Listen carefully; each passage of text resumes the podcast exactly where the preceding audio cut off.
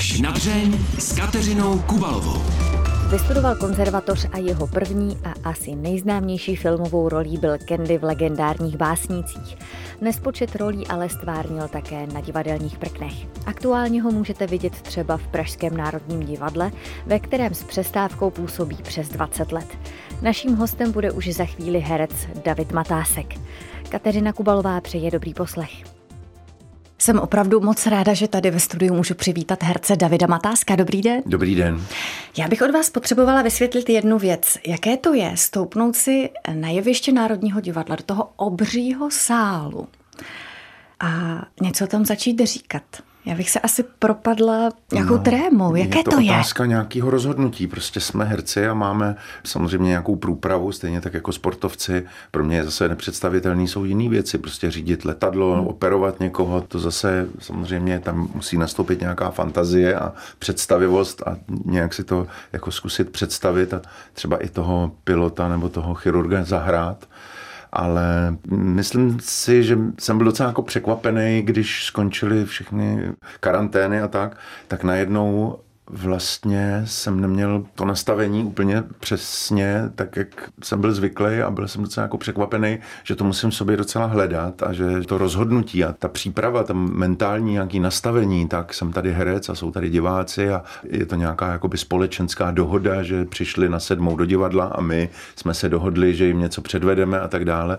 No, těžko jsem to hledal. Je to prostě, znova se vrátím k tomu příměru se sportem, je to něco, na co musíte mít jako trénink. No. Je Národní divadlo pro herce opravdu pořád takovým pojmem, že je to něco být v tom obřím sále? Já nevím, já jsem to nikdy takhle neměl. Já jsem přišel do Národního v 27 v roce 91, nebo v kolik, jo, tak nějak 1. ledna 91 a v té době jsem to bral jako výzvu, samozřejmě, protože jsem byl tak nastavený, prostě mladý člověk výzvy potřebuje a, a vyhledává je. Dneska to spíš beru jako nějaký závazek nesklamat ty lidi, přišli za nějakým vysoce profesionálním výkonem, přišli se něco dozvědět a tak dále. Myslím, že ta pieta je z toho jakoby sejmutá, což je, myslím, dobře. Mm-hmm. Pořád v českém národě přetrvává to, že grošík ke grošíku a že, že vlastně všichni mají na, na Národní divadlo nějaký takový docela ostrý názor. Myslím si, že je dobře, že se toho lidi postupně jako zbavují tohohle nánosu sentimentálního, obrozeneckého, protože zdaleka ne každá báje o vzniku Národního divadla je pravda. S těma grošíkama to bylo možná trošinku ještě jinak, možná na, na, to, na to divadlo přispěl ještě někdo jiný, než jenom národ sobě, ale myslím si, že je dobrý pořád si jako uvědomovat, že ty lidi za něčím přišli a my, že jim to jako v plné kvalitě dáme. Může to být někdy i trošku šokující, protože divadlo má, myslím, s lidma trošku lomcovat, nejenom je hladit po hlavičkách a, a konejšit. Myslím si, že divadlo má za úkol i trošičku být chvilkama i nepříjemný. Takže tohle všechno máme za úkol a děláme to s plnou odpovědností. Takhle to je prostě. Jaký jsou diváci Národního divadla? Vy jste tam strávil opravdu eh, dlouhá léta. Je znát, že jsou trošku přístupnější právě tomu škádlení, o kterém jste mm. teď mluvil, anebo jsou spíš konzervativní a čekají jo, to tradiční? Já myslím, že český národ je velice konzervativní. Mm. My jsme retro země, vůbec nechápu, kde se to v nás eh, vzalo. Máme rádi prostě svoje, jak to říct slušně, ale prostě takový to, to teplíčko, moc nevětrat, eh, aby se náhodou oknem nedostal do místnosti třeba čmelák, nedej bože. Prostě máme rádi takový ty svoje jistoty a všechno zvenku, všechno nový, cizí, všechno neobvyklý je nám trochu nepříjemný a bereme to jako úkorně. Myslím si, že je právě úkolem divadla trošičku ty lidi v tomhle obrnit nebo nějakým způsobem je připravit na to, že můžou být v životě i nepříjemné věci a že se k něm musíme nějak postavit. Musíme v sobě hledat nějakou velkodušnost, nějakou milost, nějakou odvahu přijímat ty nové věci a takhle se podle toho chovat. Samozřejmě máme tři budovy, to znamená, že v každé té budově máme trošičku jiný úkol. V historické budově samozřejmě přijedou lidi zdaleka, přijedou na furianty, přijedou na prodanou nevěstu a tak chtějí vidět prostě tu svoji prodanou nevěstu. Myslím si, že tvůrci mají potom docela těžký úkol prostě přesvědčit lidi o svém pohledu, což jsme teď v poslední době docela svědky, jaký je to problém. Ale já bych volal po nějaký otevřenosti, po nějaký svobody silnosti i od diváků prostě přijímat ty věci, pokud eh, budeme uvažovat v intencích jako nějakého muzea, no tak to Národní divadlo můžeme zavřít, protože to myslím nikoho nebude bavit, jestli budeme uvádět tak, jak se uváděla díla před 150, 200 lety, tak to, to nemá smysl. Zažil jste vy sám třeba na vlastní kůži nějaké bučení z hlediště, když jste hráli něco jinak? No, určitě nějaká odezva i negativní je, ale to si myslím, že je dobrý. Horší je nezájem, nebo horší je hmm. jakoby úplně jako takový to neporozumění, takový to dusno, takový to ticho, jako že se o něco snažíte a že vůbec vlastně nepřekročíte tu hranici. Jako. Ale někoho zvednout ze židle a, a přinutit ho k odchodu, to si myslím, že je úplně legitimní, to se prostě může stát. Jsme prostě rozdílný nátur a rozdílného sociálního původu a četli jsme rozdílné knížky v dětství, to znamená, že každý má nárok na, na nějaký ten. Ale na druhou stranu vlastně znova si myslím, že je důležitý být otevřený. Prostě nejdeme přece na výstavu s tím, že tam bude jelen, který mu se bude kouřit z mordy. Jako, to prostě není možné. Chodíme za výtvarným uměním, aby jsme se nějak obohatili a dozvěděli se především něco o sobě. Ne o tom, jak vypadá svět, taky možná, ale o tom, jak ten svět na nás působí. A ta si myslím, že tam je důležitá ta otevřenost. Který kulturní zážitek, představení nebo třeba zmiňovaná výstava vás v poslední době nejvíc ovlivnila, uchvátila? Já to nechci takhle úplně přesně specifikovat, co to bylo přesně. Já jsem jako divadelní divák úplně nemožný. Já vlastně do divadla nemůžu moc chodit, protože prostě mám profesionální deformaci. Já prostě vím, co se stane za chvíli a když to nevím, tak to je pro mě veliký svátek. Když se stane něco pro mě překvapivého. Prostě speciálně u Českého divadla, jak se všichni známe, už jsme se viděli moc krát na divadle, tak já už přesně vím, který herec jaký používá. Proto já jsem vždycky hrozně vděčný za to, když prostě někdo sáhne do někam jinam a vytáhne něco nového. Když mě napadne, to je krásný, nebo to je nějak zrušující, nebo to je něco nového, to bych si chtěl vyzkoušet, tak to je vlastně ta správná emoce, kterou já jako takový zkažený divák mám. Jinak ve filmu to je zajímavý, to vůbec nemám. V kině se směju úplně stejným kravinám jako moje děti, který, který jsou vlastně čistý v tomhle a, a mám rád animáky pro rodiny, takový ty pokleslí. Prostě všecko, co, co člověk má v kině vidět, tak to já rád vidím a to nejhorší je nuda, že jo? Nejhorší jsou prostě filmy, které s váma neudělají vůbec nic. Říká herec David Matásek. Proč vy jste vlastně tenkrát v těch 90. letech po čtyřech sezónách odešel z Národního divadla? No, bylo to možná na mě trochu moc. Já jsem měl tenkrát čerstvě rodinu a hrozně prostě v tom Národním divadle když si vás tam angažujou, tak vlastně vás chtějí nějakým způsobem vytěžit, když to hmm. řeknu úplně takhle hnusným způsobem, ale já jsem to prostě tak cítil. Já jsem měl najednou pocit, že tři premiéry do roka je trochu moc. Dvojáky, soboty, neděle, prostě najednou toho bylo na mě moc. Já jsem vlastně si do, do té doby tu kariéru, můžu-li to tak nazvat, řídil sám, protože jsem byl ve svobodném povolání, jak se tomu říkalo, volná noha a dneska OSVČ, takže já jsem si vlastně dělal to, co jsem chtěl, to, co, jakou jsem dostal nabídku, tak jsem mohl zvažovat, jestli přijmu nebo ne. No a když to v angažmá, tak to najednou nešlo. Zvlášť, když to je angažmá, první angažmá a ještě Národní divadlo, sešlo se tam najednou mnoho věcí a najednou jsem dostal nabídku na, na nějakou vlastně generační spolupráci s Michalem Dočekalem, s Janem Nebeským v divadle komedie, tak to mě přišlo v pro mě v tu dobu vzrušující a poučný daleko víc. Musí v sobě herec tak trochu, nebo možná moc, třeba mě opravíte, upozadit svoje vlastní ego, aby byl dobrým hercem, aby byl vlastně, když to řeknu ošklivě, nástrojem toho režiséra. To je zajímavá otázka. Je to přesně někde mezi. To, není to možný prostě ten divák to pozná, když je eh, herec jenom interpretem. Jsou takový představení, jsou takový režiséři, kteří mají velice přesnou představu, nakreslí vám trajektorie, řeknou vám odkud kam a vlastně toho osobnostního vašeho přínosu vlastně tam zbyde hrozně málo. Hmm.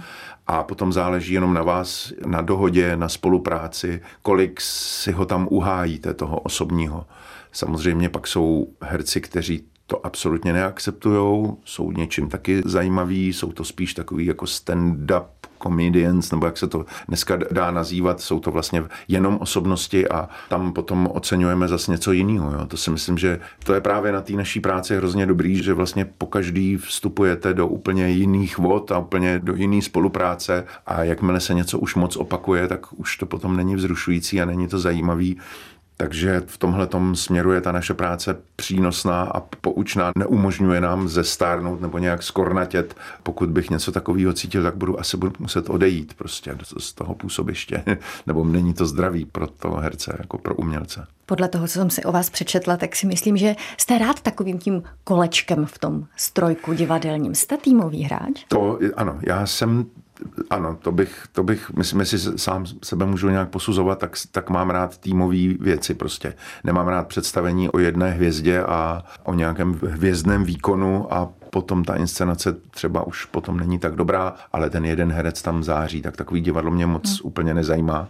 Mám rád kolektivní, když třeba ty herce až úplně neznám, teďko se objevují samozřejmě spousta nových mladých kolegů, což je ohromně vzrušující a občerstvující, takže to je fajn, jakože, že člověk může vidět na tom kolektivní energii se teďko jako hodně tlačí a, a to si myslím, že je dobrý, správný, že to je dobrá, dobrá cesta.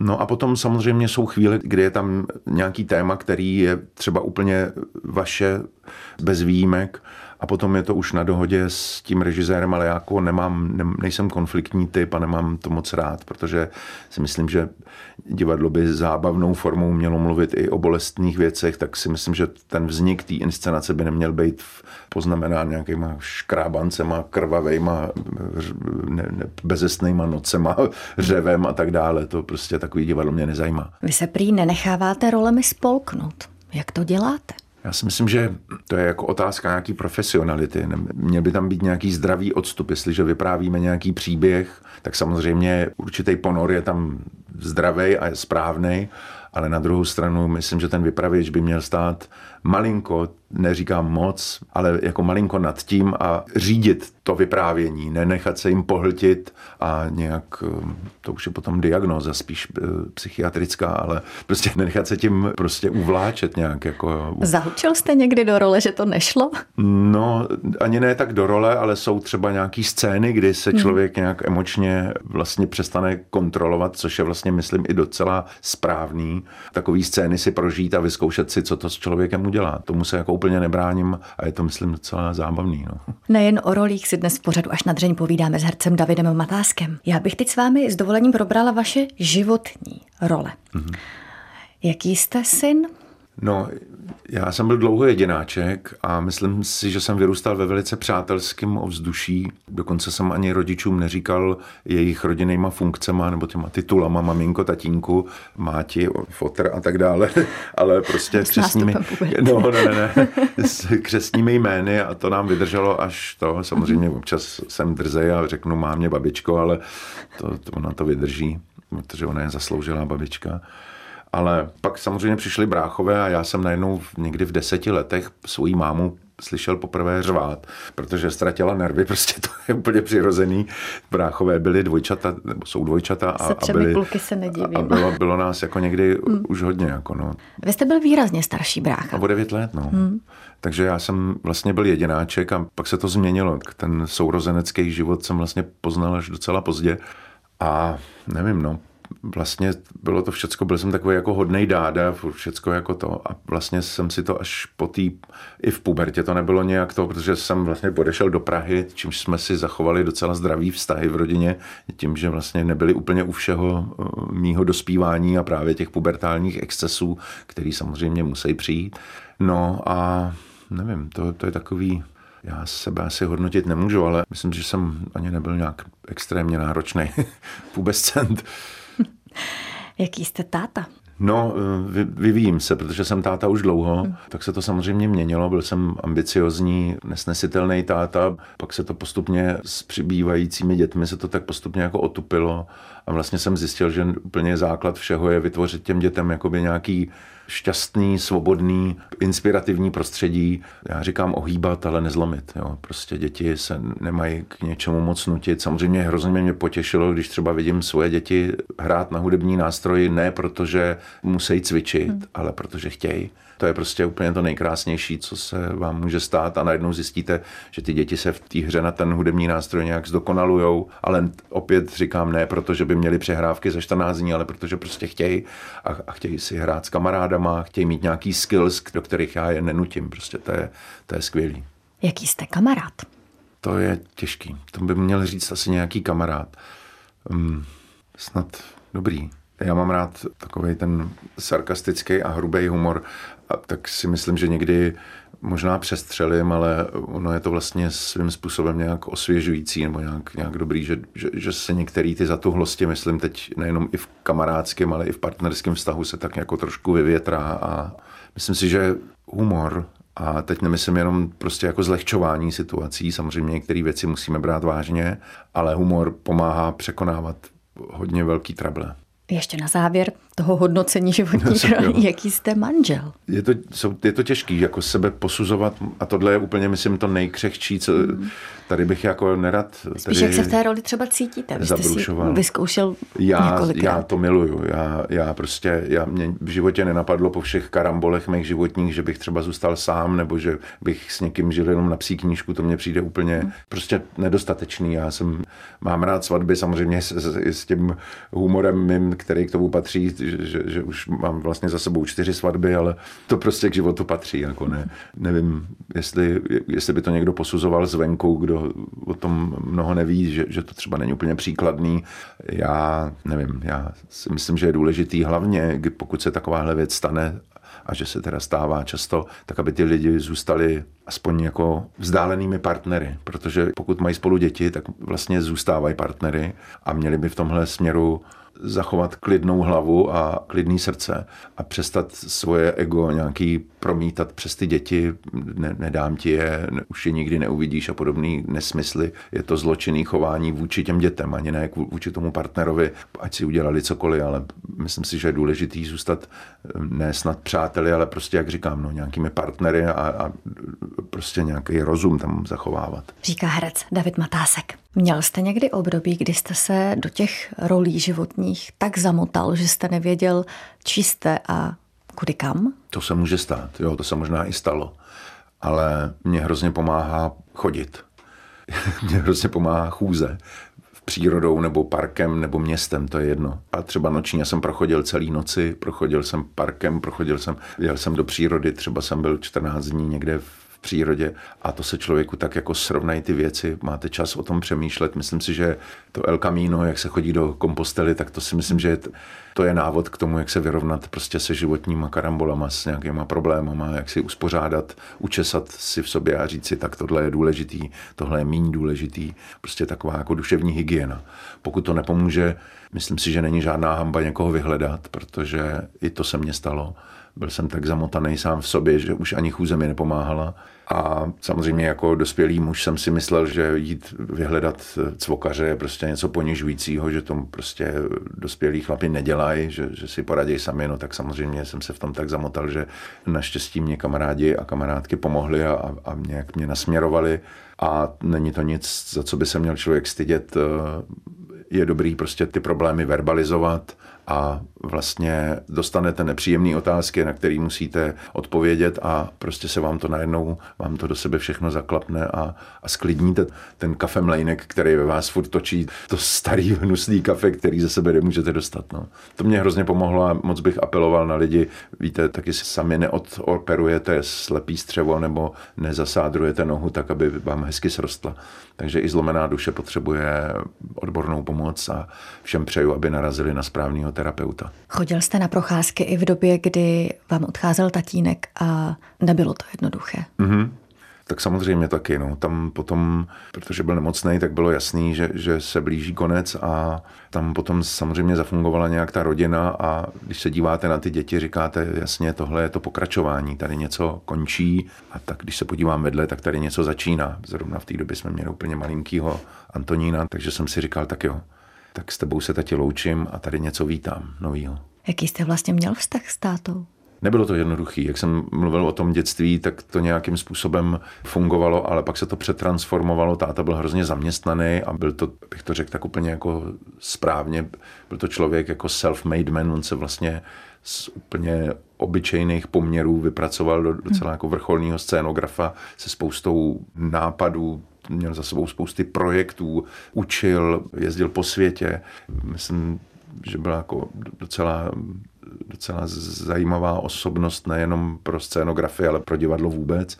A myslím si, že ten osobní život malinko to flákal, abych, to, abych mu to takhle na dálku, on určitě mě slyší, tak abych mu to možná takhle trošičku vyčet. Prostě měl hodně silný ego a potom, když byl starší, tak neměl vlastně mě pořád potřebu to všechno jako řídit a bylo s tím jako docela svízelný výjít. No. Stihli jste si třeba i tohleto říct? Myslím, že částečně jo, že ty poslední dva roky jsme, on totiž jako hodně ztratil z toho svého nápřahu a z té svý skořápky ostrý, takový tvrdý a pak byl i přístupnější, protože do té doby to nechtěl poslouchat a nelíbilo se mu to samozřejmě. Ale já mám takovou teorii, že vlastně svět posouvají dopředu ne úplně laskaví lidi. To prostě to tak je. To, to je vlastně takový způsob, jak s těma, promiňte, kreténama někdy výjít. Jo. Teď teda nemyslím svého tátu, ale jako někdy narazíte prostě na lidi a říkáte si prostě, tak asi takový lidi taky musí být. Protože zaprvé mě nějak školej a já se musím jakoby v tom orientovat a nějak se z toho poučit prostě a potom, když vemete dějiny a různý vynálezce a lidi, kteří posouvali skutečně svět předu, nebyli to vždycky jako úplně růžový zahrádky a laskaví lidi, kteří hladili. Většinou jsou to egomani, kteří myslí jenom na sebe a na svůj objekt eh, toho bádání, takže možná těm lidem okolo sebe trošinku i ubližují často. No. Pro koho nebo pro co jste v životě nejvíc obětoval? To vůbec nevím, takhle já nepřemýšlím. To vůbec nemám pocit, že bych nějakou oběť někdy obětuju příliš mnoho času té své práci, ale to je prostě naše taková trošku debilní povaha, že máme strach, že nám něco uteče, že teď zejména po dvouletým takovým kostrbatým období těch různých karantén a covidových zákazů a nehraní, tak se nám toho jako na, naschromáždilo hodně, tak teď skutečně tenhle rok byl úplně nepříjemný, tak to jsem měl pocit, že jsem se jako trošičku obětoval, ale, ale že někomu, to, to vůbec bych takhle, takhle, to ne, takhle to nemám, ne, vůbec takhle nepřemýšlím. Když jste v jednom rozhovoru říkal, že očekávání a sny jsou v tom hereckém povolání spíš na škodu. Hmm. Vnímáte to tak pořád? Je, je to tak. Myslím si, že vůbec jako očekávání, jít vůbec do nějakého hmm. zážitku s očekáváním, lidi si tím vlastně jakoby se okrádají o ten zážitek toho překvapení nebo o tu možnost být uh, zasažený. Dobrý je, když si lidi zachovají v určitém směru dětský pohled na věc. Hmm.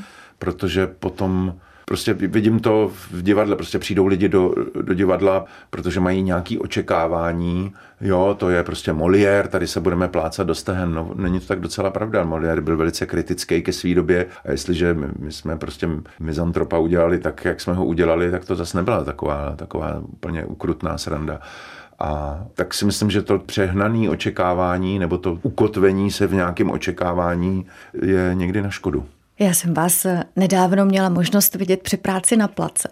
To mi povězte, jak to děláte, že vás to hraní pořád tak baví, že si to užíváte? Nevím, je to, je to krásná věc, je to jsme jak děti, prostě můžeme předstírat, eh, někdy je to jako psychodrama, pokud to jsou nějaký náročné věci a pokud je to trošku odlehčený žánr, tak vlastně jsme jak děti, jako ty budeš jako paní prodavačka, já budu jako pan nakupující a teď si hrajeme na obchod, jako jo, je to, teď, si to, teď to trošku zlehčuju, ale, ale v podstatě je to tak a je pak dobrý z toho vypadnout. Totiž ještě při té herecké práci je to dobrý tak, že během toho zkoušení vlastně člověk musí být úplně moc nefixovat, nebo tak si jako zkoušet a hledat to, chytit nějaký flow, protože to je vlastně to důležitý, vlastně se dostat do nějaký jakoby nálady té situace a toho problému, který právě hledáme. A potom, když to skončí to zkoušení, tak naopak musíte vlastně být trošku hnidopich, jako být přesnej vzpomenout si, co byly ty důvody pro to, proč jsme to takhle naskoušeli, co jsme si k té situaci řekli, proč ten kolega je takovej a proč já mám být takovej. Takže to jsou vlastně takové dvě úplně opačné mince a vlastně obě jsou zásadní součástí té naší profese. To je, myslím, v tom dobrý. A, a taky myslím, že hercům sluší, když zůstávají pořád jakoby mladý nebo dětský, mají takový jakoby nepřekvapivý pohled. Víte, že nás děti někdy překvapí eh, nějakou úplně věc, kterou už vy ne nevidíte, nebo už má člověk zaběhaný nějaký vnímání a, a tu situaci už nečte tak nově a najednou děti přijdou a, a řeknou, je, to je úplně takhle a takhle. No jo, Ježíš Maria, tak takhle je potřeba pořád se na svět dívat. To je zase obrovská vaše výhoda, že máte to malé dítě, které vás udržuje čerstvého. Jo, děti jsou, děti jsou v tomhle tom. Eh, veliká jako vzpruha a, a energetický náboj a to. A taky je dobrý prostě koukat po lidech. Já jsem teda, já už to někdy přeháním, že na mě říká nečum, protože já jsem voyeur, prostě já miluju lidi si povídají v metru nebo někde v hospodě a já prostě musím koukat, jak, co ona mu řekne. Ježíš tam mu dává. Ježíš, co proved. No a ta, prostě... Oni pak přijdou domů a říkají si, jo, tam matásek a, a koukal se na mě. prostě, je nes, neskutečně, no takže takhle, takhle, protože kolem nás je spousta zajímavých věcí, lidi by si myslím měli víc než mobilních telefonů všímat sami sebe, nebo svého okolí, protože tam je ten zdroj našeho žití ta zvědavost, určitá zvídavost. Hostem pořadu až na dřeň byl herec David Matásek. Moc krát vám děkuji. Já Mějte se hezky a nashledanou. nashledanou. Nezbývá než dodat, že pořad až na dřeň si můžete poslechnout také jako podcast. A nezapomeňte se podívat i na videozáznam z natáčení. Kateřina Kubalová se těší na slyšenou zase za týden. Mějte se krásně.